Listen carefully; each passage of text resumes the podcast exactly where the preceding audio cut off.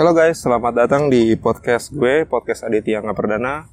Setelah gue ngebahas banyak banget nih soal revolusi industri, mental block, terus juga ada studi in UK, kali ini gue bakal ngebahas hal yang penting nih. Bakal ngebahas critical thinking. Tapi tenang, di sini gue nggak sendiri. Gue bersama senior gue, uh, salah satu inspirator gue, yaitu perkenalkan bang. Eh, nama gua Hafiz Alfiarga, tapi bisa dipanggil Hafiz. Ya, bisa dipanggil Hafiz. Sekarang sibuknya apa bang? Saat ini sih gue cuma ngajar aja di salah satu sekolah SMK di Tangsel. Hmm. Gitu. Gue ngajar teknik komputer dan jaringan untuk kelas 10, 11, dan 12. Hmm. Selain itu juga kalau nggak salah juga aktif juga ya di organisasi turun tangan ya? ya kalau di turun di turun tangan sih gue udah dari 2016 Hmm. itu udah aktif di sana Hmm. Uh, karena gue pikir kayaknya kalau misalnya uh, gue cuman kuliah atau gue cuman ngajar aja ada hal-hal yang terjadi di luar sana dan gue akhirnya nggak tahu nih gitu. Ah. jadi siapa tahu kalau misalnya Ah. gue ikut organisasi di luar Ah, gue akan tahu lebih banyak informasi yang Ah. bisa jadi ah. uh, di situlah tempat gue bisa mengabdikan diri Tempat bisa mengambil diri. Wih, ciamik banget nih Bang Hafiz nih. Jadi gini nih Bang, kan yang namanya kita manusia nih ya. Kita kan eh, selalu nih setiap hari itu ada informasi yang masuk nih Bang. Hmm. Ada info masuk, info masuk dan info yang berseliweran nih Bang. Hmm. Nah, eh, salah satu aspek yang terpenting kan di manusia itu critical thinking nih Bang. Menurut lu tuh critical thinking itu apa sih Bang? Oh, kalau ini sih kalau gue me- apa ya menjelaskan ini berdasarkan pengalaman gue aja ya. Mhm. Jadi kalau secara teori mungkin bisa carilah di Iya, mana-mana bisa banyak kita gitu. cari. Nah, ah, kita cari. Tapi kalau pada dasarnya kalau misalnya kita ngomongin critical thinking itu Mhm. berbicara soal gimana kita memperjelas informasi yang kita dapat. Memperjelas informasi yang kita dapat. Ya. Oke. Jadi uh, kayak misalnya kalau misalnya ngomongin soal informasi yang kita dapat, misalnya apa ya?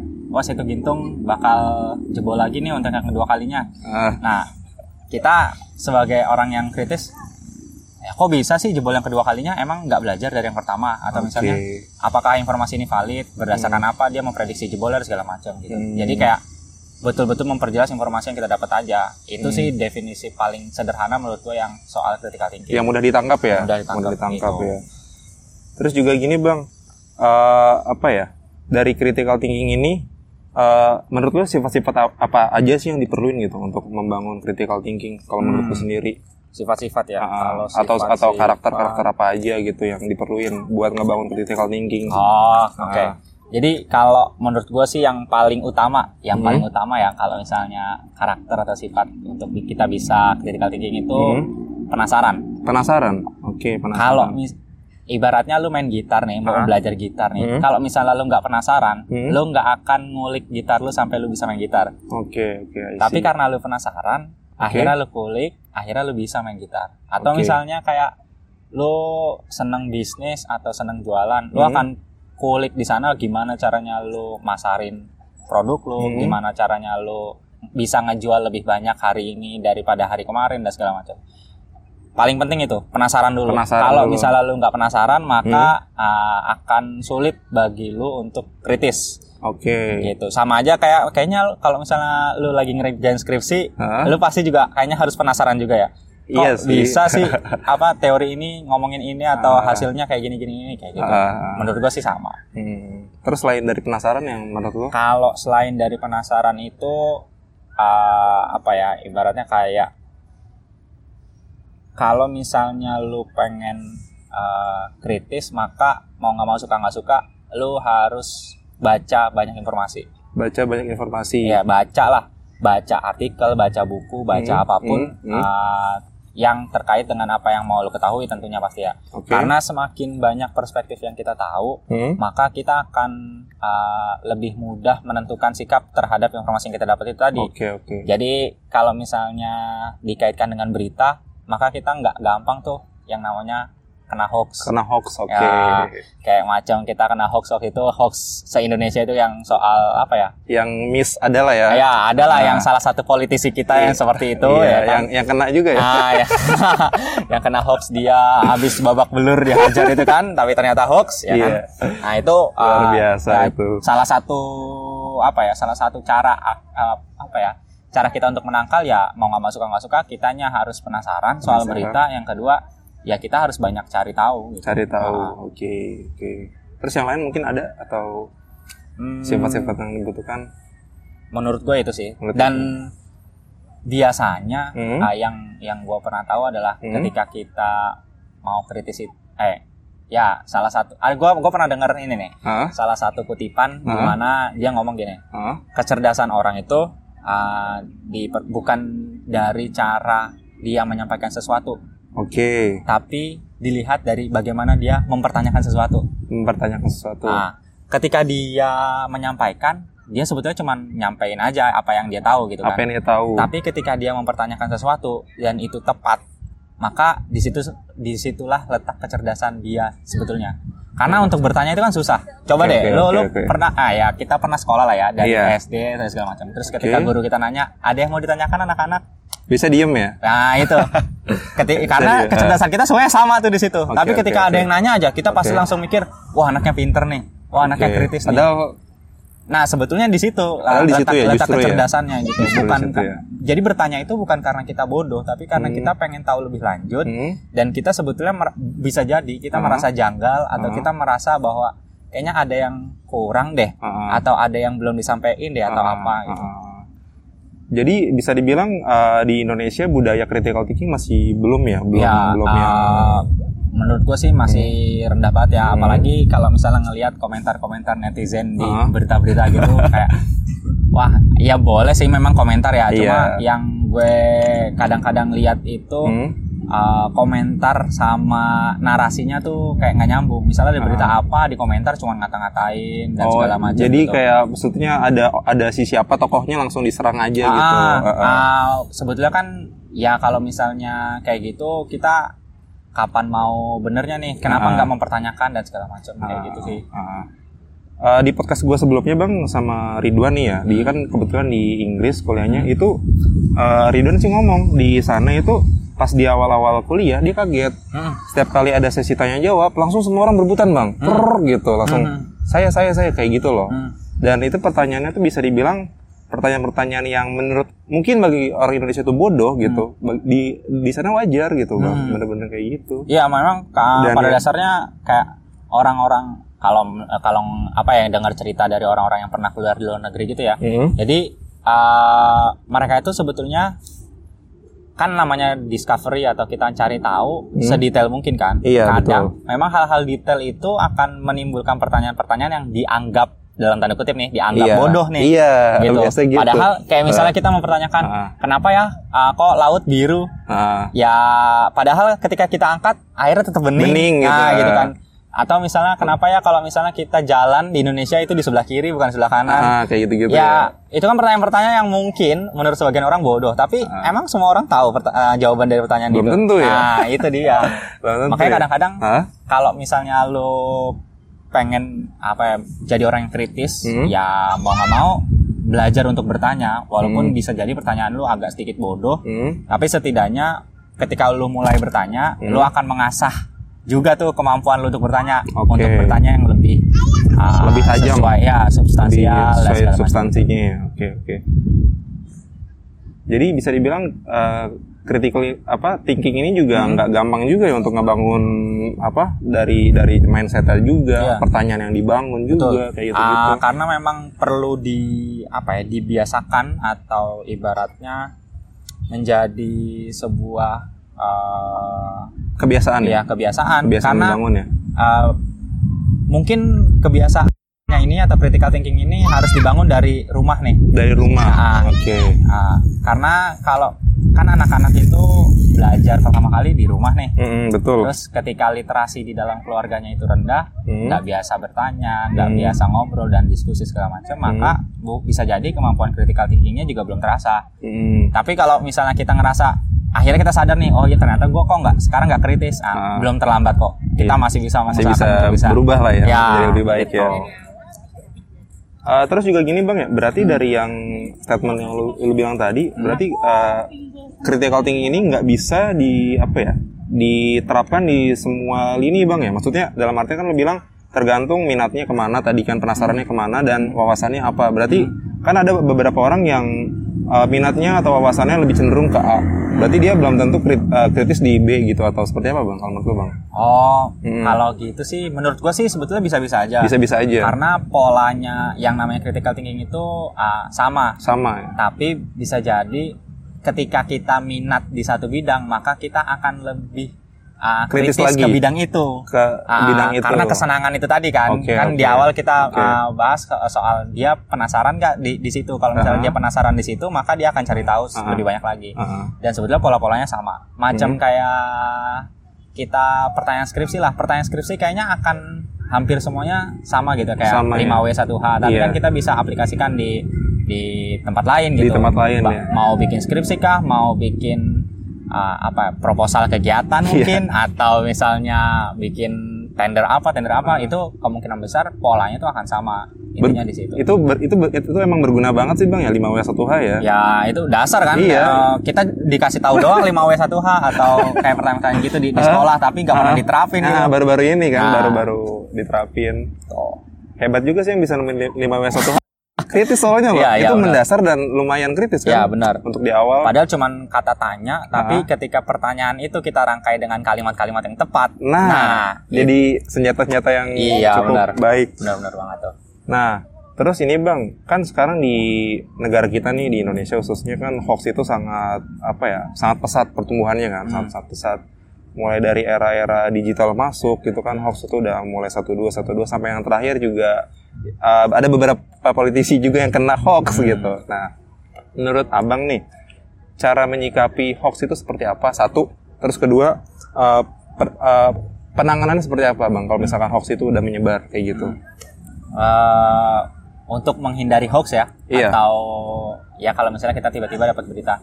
Kalau misalnya kita dapat berita di Facebook, Hmm? ah, lu cek linknya aja dulu. cek linknya aja. Link berita. Oke. Jadi biasanya ada link-link berita yang aneh atau Hmm. misalnya media-media kan sekarang banyak media alternatif ya media-media Iya. yang di internet Ah. eh, yang biasa nyebarin berita gitu. Hmm. Kalau misalnya medianya tidak terverified atau lu bisa cek sih di kalau gue nggak salah tuh biasanya media-media online itu juga harus terdaftar di eh, Asosiasi Jurnalis Indonesia atau Asosiasi Jurnalis ya pokoknya yang pers lah.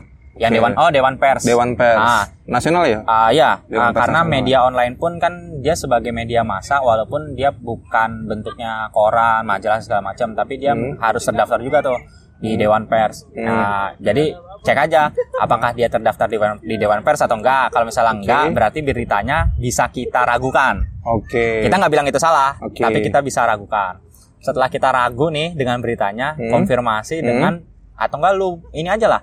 Ah, copy paste judulnya, Hmm. kemudian lu search di Google. Hmm. Terus nanti muncul berita dari portal lain atau enggak? Oke. Kalau misalnya enggak, ya bisa jadi itu hoax atau misalnya muncul kita cek lagi linknya kayak tadi. Oke. Itu itu cara cara menurut gue cara paling gampang cara sih paling gampang ya. untuk ngecek ah, berita itu apakah hoax atau bukan gitu. Oke. Terus apalagi ya kalau misalnya penanganan soal hoax, gue rasa hoax itu nggak akan bisa ah, hilang sih. Hmm. Karena bahkan waktu itu gue pernah dengar tuh yang ada penelitian bahkan Hmm. penelitian dokter Hmm. ah, isinya tuh hoax Hoax. Iya. Banyak. Tapi semua uh, semua dokter, profesor segala macam itu percaya bahwa penelitian itu benar.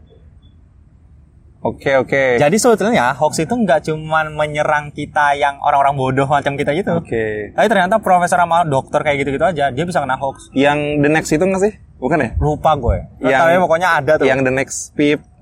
Gue gue lupa tuh. Oh, lupa Tapi ya. pokok- pokoknya uh, ada tuh, ada yang uh, yang, Yang kayak gitu. yang di luar negeri itu ya? Iya, yang di luar oh, iya negeri. berarti itu. Ah, yang the jadi, next. uh, makanya uh, ya bayangin aja udah udah orang yang kuliah atau pendidikan segitu tingginya tetap kena hoax kan aneh ya. ah, ah, Nah, ah.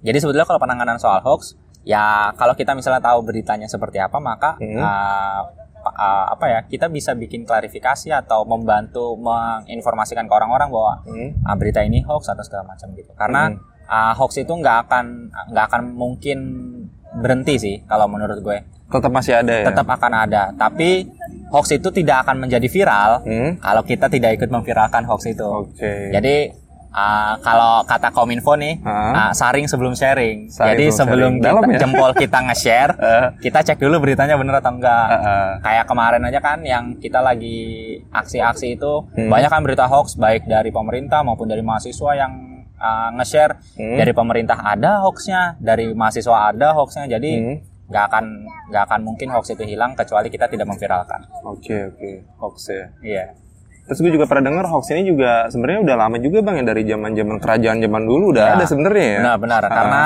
ya hoax itu adalah salah satu cara untuk ngadu domba Iya. Makanya kenapa Belanda itu mudah melakukan politik divide et impera yang Ah. politik pecah belah itu. Ah. Karena orang Indonesia gampang dipecah belah dengan berita-berita Iya. hoax. Dikasih tahu aja dikit. Oh ini raja lu nggak mau nih Ah. sama gua kalau misalnya gini-gini nih. Ah, udah Ah. perang saudara di Bali, perang Parekrek ya kalau nggak salah. Iya. Eh perang, perang Puputan. Perang Puputan, Nah, iya perang Puputan. Kemudian perang saudara dari kaum Padri sama kaum apa tuh yang di Padang, Ah. ah, di Ponorogo. Ah, terus kemudian banyak kan perang Banyak, yang banyak perang-perang perang saudara. Ya sama sesama saudara perang gara-gara apa? Ya hoax itu tadi. Hasutan-hasutan kebencian. propaganda lah ya. Propaganda. Propaganda. Ya kita kalau misalnya masih kena itu berarti Hmm. kita belum critical thinking mungkin. Hmm. Gitu. Cuma kalau menurut gue sendiri sih eh, gimana ya? Setiap orang bisa aja sih kena hoax sih. Hmm. Ah, misalkan dia lagi nggak konsen ataupun lagi banyak masalah kan Bisa, bisa, ah, bisa. jadi ngefilternya lebih kurang ya, gitu ya. memanfaatkan momen-momen tertentu Iya, gitu ya. Kita lagi lagi, capek gitu. Ya kan kayak kemarin lah banyak akhirnya hoax beredar karena wow kita lagi semangat nih belain Nah, mahasiswa atau yang belain pemerintah kan. gitu kan. Nah, Emosional betul. akhirnya nge-share. Makanya itu tadi kalau critical thinking itu Hmm. ya satu yang paling utama itu ya clarity atau kejelasan. Hmm. Kalau kita ngikutin emosi ya kita nggak akan jelas sama lah kalau kita lagi mau menyelesaikan masalah Hmm. nggak bisa dong pada saat emosi pasti kita harus Iya. tunda beberapa saat sampai kita reda Ah, baru kita bisa nung- nunggu momen cooling down lah ya, Nah, ibaratnya cooling down. sama tuh gitu. kayak kayak gitu sih ah, kayak prosesnya. gitu. Nah terus bang, eh, selain hoax juga kan kita juga ada eh, isu-isu lah ya, Hmm. opini-opini yang beredar dan bisa dibilang penggiringan opini atau penggiringan isu nih. Hmm. Kalau menurut lu cara menyikapinya seperti apa bang? Apa sama dengan hoax atau ada perbedaan gitu? Ah, kalau menurut gua beda. Beda ya? Karena kalau misalnya hoax itu lebih ke arah menjelek-jelekan sesuatu gitu ya, atau mem- memberi- memberikan berita bohong. Memberikan berita bohong. Nah, Oke. kalau pem- penggiringan opini itu lebih ke arah bagaimana dia mencari orang-orang yang satu pemikiran sama dia. Hmm, Jadi kayak misalnya hmm. politisi, Oke. yang paling gampang kan itu ya. Karena eh, kalau politisi itu kenapa harus melakukan penggiringan opini? Oke. Karena mereka butuh masa nih. Kalau misalnya menurut gua adalah Hmm. bagaimana caranya orang bisa memberikan pengaruh dan mengajak masa untuk ikut percaya dengan apa yang dia katakan. Oke. Gitu. Jadi kayak misalnya eh, si politisi nih pada Hmm. saat masa kampanye, Hmm. dia semuanya penggiringan opini. Iya. Bagaimana akhirnya mereka beropini Hmm. bahwa ketika mereka mereka milih si politisi itu, Hmm. mereka akan mendapat kesejahteraan misalnya, Oke. akan mendapat akses pendidikan dan segala macam. Oke.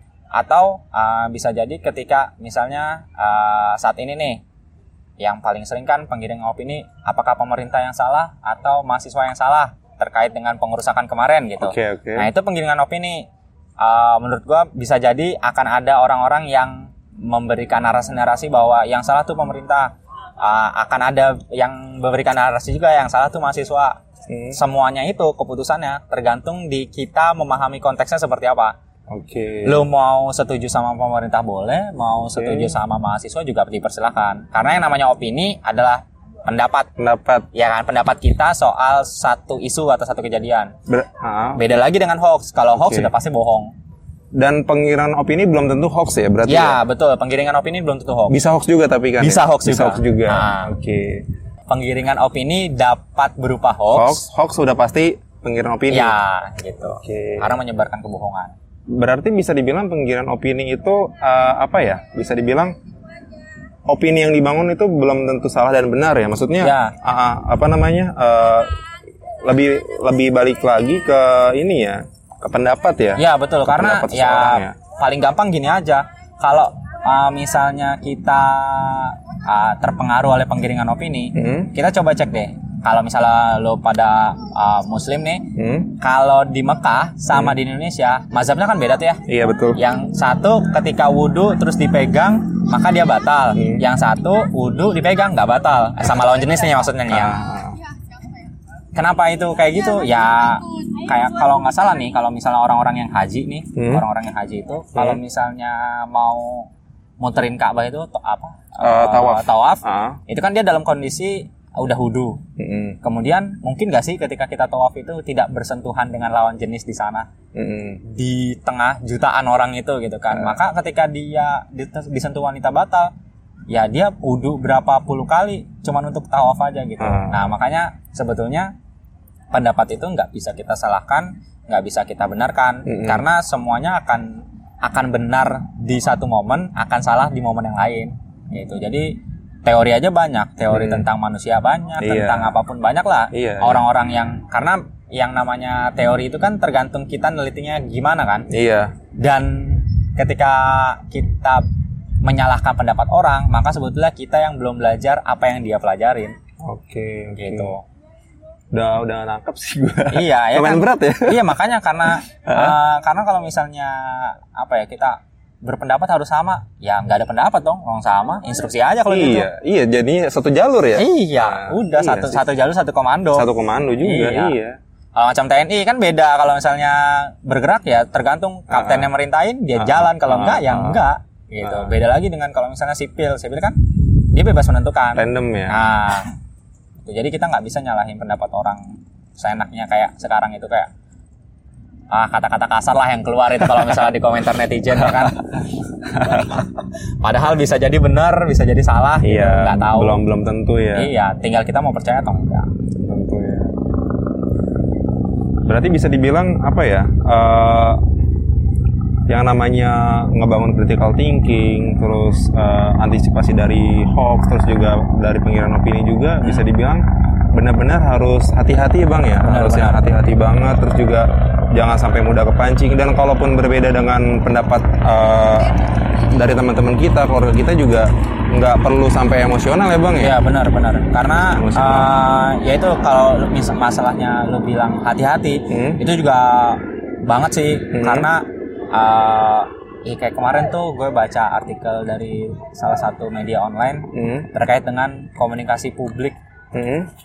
kayak ya kalau misalnya lu merasa mahasiswa mungkin pada saat lu komunikasi sama mahasiswa lainnya secara besar gitu misalnya Hmm, lu ketua uh, himpunan kah atau ketua BEM ketika ngomong kan harus diperhatikan tuh tata bahasa segala macam Iya karena betul. ya itu khawatirnya apa yang lu katakan akan beda penangkapannya nih sama yang dengerin Iya, gitu iya, kan iya, iya. itu itu yang Itu- penting juga ketika itu penting lu banget. apa namanya me- menyampaikan opini di, di Iya. media atau di Penting. secara publik gitu karena ya bisa jadi satu kalimat dari lu akan bikin kerusuhan di mana-mana gitu Iya. kan itu yang itu yang Apalagi penting kalau lu mewakili sesuatu lembaga nah ya, itu, lebih udah gitu lembaga itu punya masa yang besar misalnya kayak pimpinan partai ngomong nih gini, Nah. gini, ternyata uh, salah gitu wah Nah, udah itu itu, kerusuhan di mana-mana tuh iya banget.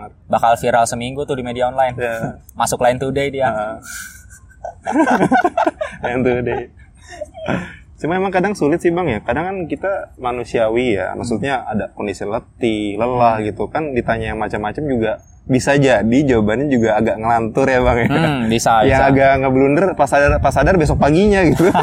Nah, kalau misalnya kayak gitu, sebetulnya gue lupa itu namanya apa ya kalau misalnya di Hah? pers itu, tapi kita ada punya hak untuk klarifikasi Hak yang kemarin. klarifikasi Kalau misalnya udah sadar gitu ya. Oke. Tapi uh, sebisa mungkin kalau misalnya kayak gitu ya seketika kita sadar itu salah, Hmm. mendingan ralat aja deh daripada bikin rame gitu. Ah, soalnya ada nih bang, salah satu CEO dari e-commerce di Indonesia pernah waktu itu kayak gitu dan kebetulan nyerempet nyerempet ke para petinggi-petinggi di Indonesia kayak Hmm. gitu bang. Iya sih. Nah, itu kan habis itu kalau nggak salah beberapa hari langsung bikin klarifikasi ya kalau nggak Iya. salah ya.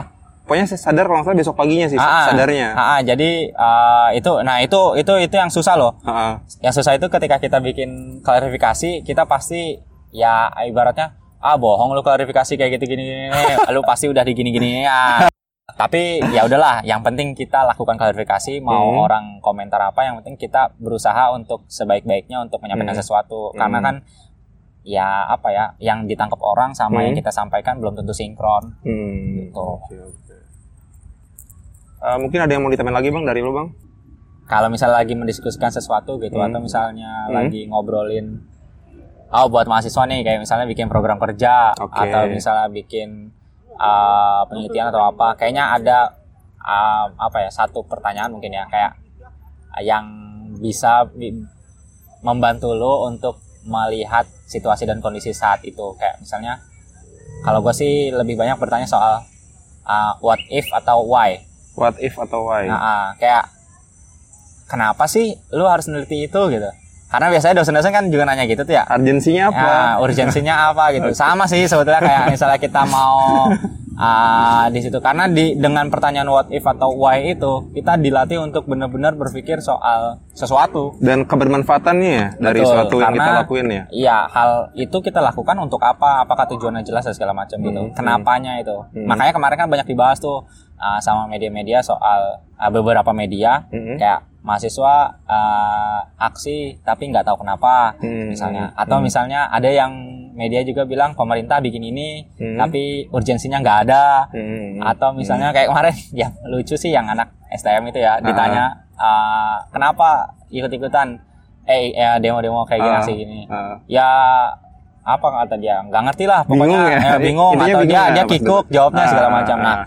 Perta- ah, pertanyaan why atau what if ini mungkin bisa membantu teman-teman untuk ah, lebih kritis Hmm. me- me- apa ya ngeframing bagaimana caranya berpikir Hmm. karena ketika pikiran kita itu clear atau jelas Hmm. maka yang kita lakukan juga insya Allah jelas juga Oke. gitu Oke. Terus nih bang, dari gue bang, kalau menurut lu bang, kan kita di apa ya? Kita dilahirkan nggak selalu di keluarga yang penuh dengan critical thinking ya. Ada keluarga-keluarga yang bisa dibilang eh, apa ya bahasanya? ya, Yang lebih ke arah buat apa sih lu kayak gitu gitu loh. Maksudnya lu buat apa ngelakuin itu dan buat apa berpikir kayak gitu gitu. Yang keluarga yang benar-benar stereotipnya tuh nggak mau berkembang di zona nyaman. Nah, menurut lu bagaimana cara menyikapi eh, keluarga atau saudara-saudara kita atau di atau kita yang di lingkungan seperti itu bang gitu. Cara menyikapinya seperti apa gitu. Yang selalu mengunderestimate kita se- selalu ya menjudge yang buruk-buruk gitu. Ya kalau misalnya dijas buru-buru kayak gitu mah ya nggak usah lu tanggepin lah. Semakin lu tanggepin nanti lu semakin kesel lagi. Nah.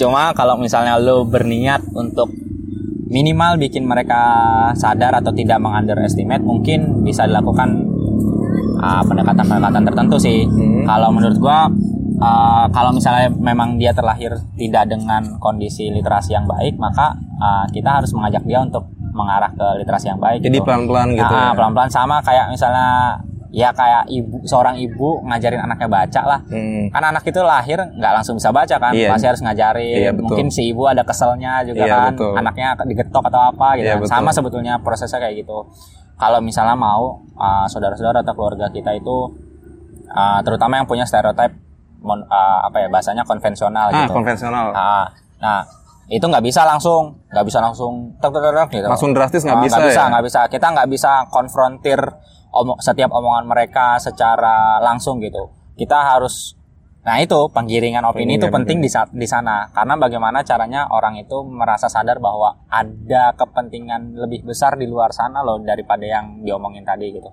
Kalau ditanya buat apa sih ngelakuin ini ya tinggal lu jelasin sih alasannya. Alasannya. A, B, C, Iya, D gitu nah ya. itu kan justru pertanyaan-pertanyaan tetangga atau pertanyaan keluarga macam kayak gitu kan yang kita bi- bikin kita jadi kritis gitu. Iya, makin bahwa gue ngelakuin ini ada alasannya loh kenapanya Iya, gitu. iya. jadi nggak serta merta kita konfrontir ya harusnya begini gini nggak Ah. bisa Ah. apalagi kalau apalagi kalau misalnya kita uh, yang yang apa namanya just atau yang ngo- uh, ngoceh ke kita itu Ah. orang yang lebih tua ah itu lebih susah lagi karena Ah, kita dianggap bisa jadi anak bawa pencur Iya. ya Anak baru kemarin ya. Nah, dia lebih berpengalaman dan segala macam Betul. tapi kan kita bisa tanyakan apakah dia punya pengalaman yang sama dengan kita apakah Betul. kita punya pengalaman yang sama dengan dia Ting- sebetulnya kita bisa arahkan lebih kepada sharingnya Hmm. kenapa akhirnya dia bisa berpikir demikian hmm. jadi daripada daripada kita berusaha untuk konfrontir dan bilang bahwa eh berusaha meyakinkan dia bahwa apa yang kita lakukan itu benar, Hmm. mendingan sharing aja apa yang dia pernah lakukan, apa yang kita pernah lakukan. Jadi di situ kan Uh-huh. justru malah ada nilai tambah. Dia Uh-huh. mungkin nambah